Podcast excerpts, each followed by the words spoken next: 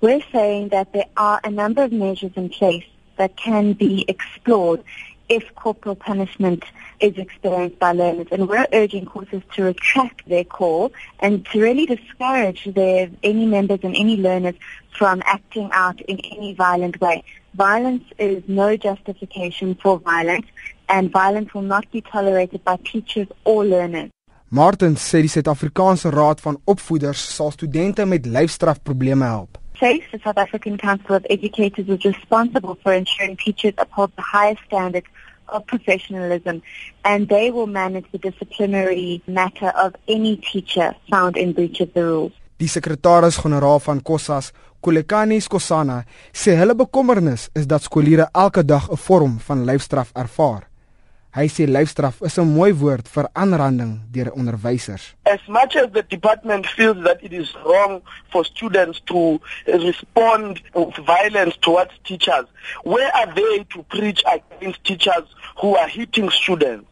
Because there have only been 3 teachers who have been hit because of the call made by COSAS. But there are thousands of students who are victimized every day. Now, corporal punishment is part of the system. Officials of the department are pretending like nothing is happening.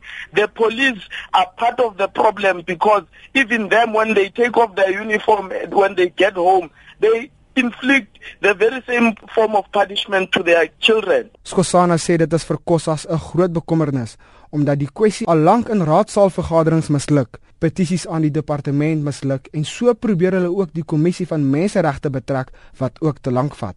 Hy sê lyfstraf is in sommige skole so normaal dat daar 'n slaanding vir elke ouderdom is. Until such a time that government ensures that no learner is being assaulted by a teacher or they make sure that they respond harshly on any teacher would be uh, corporally punishing a student. We are going to continue with our call that students must respond.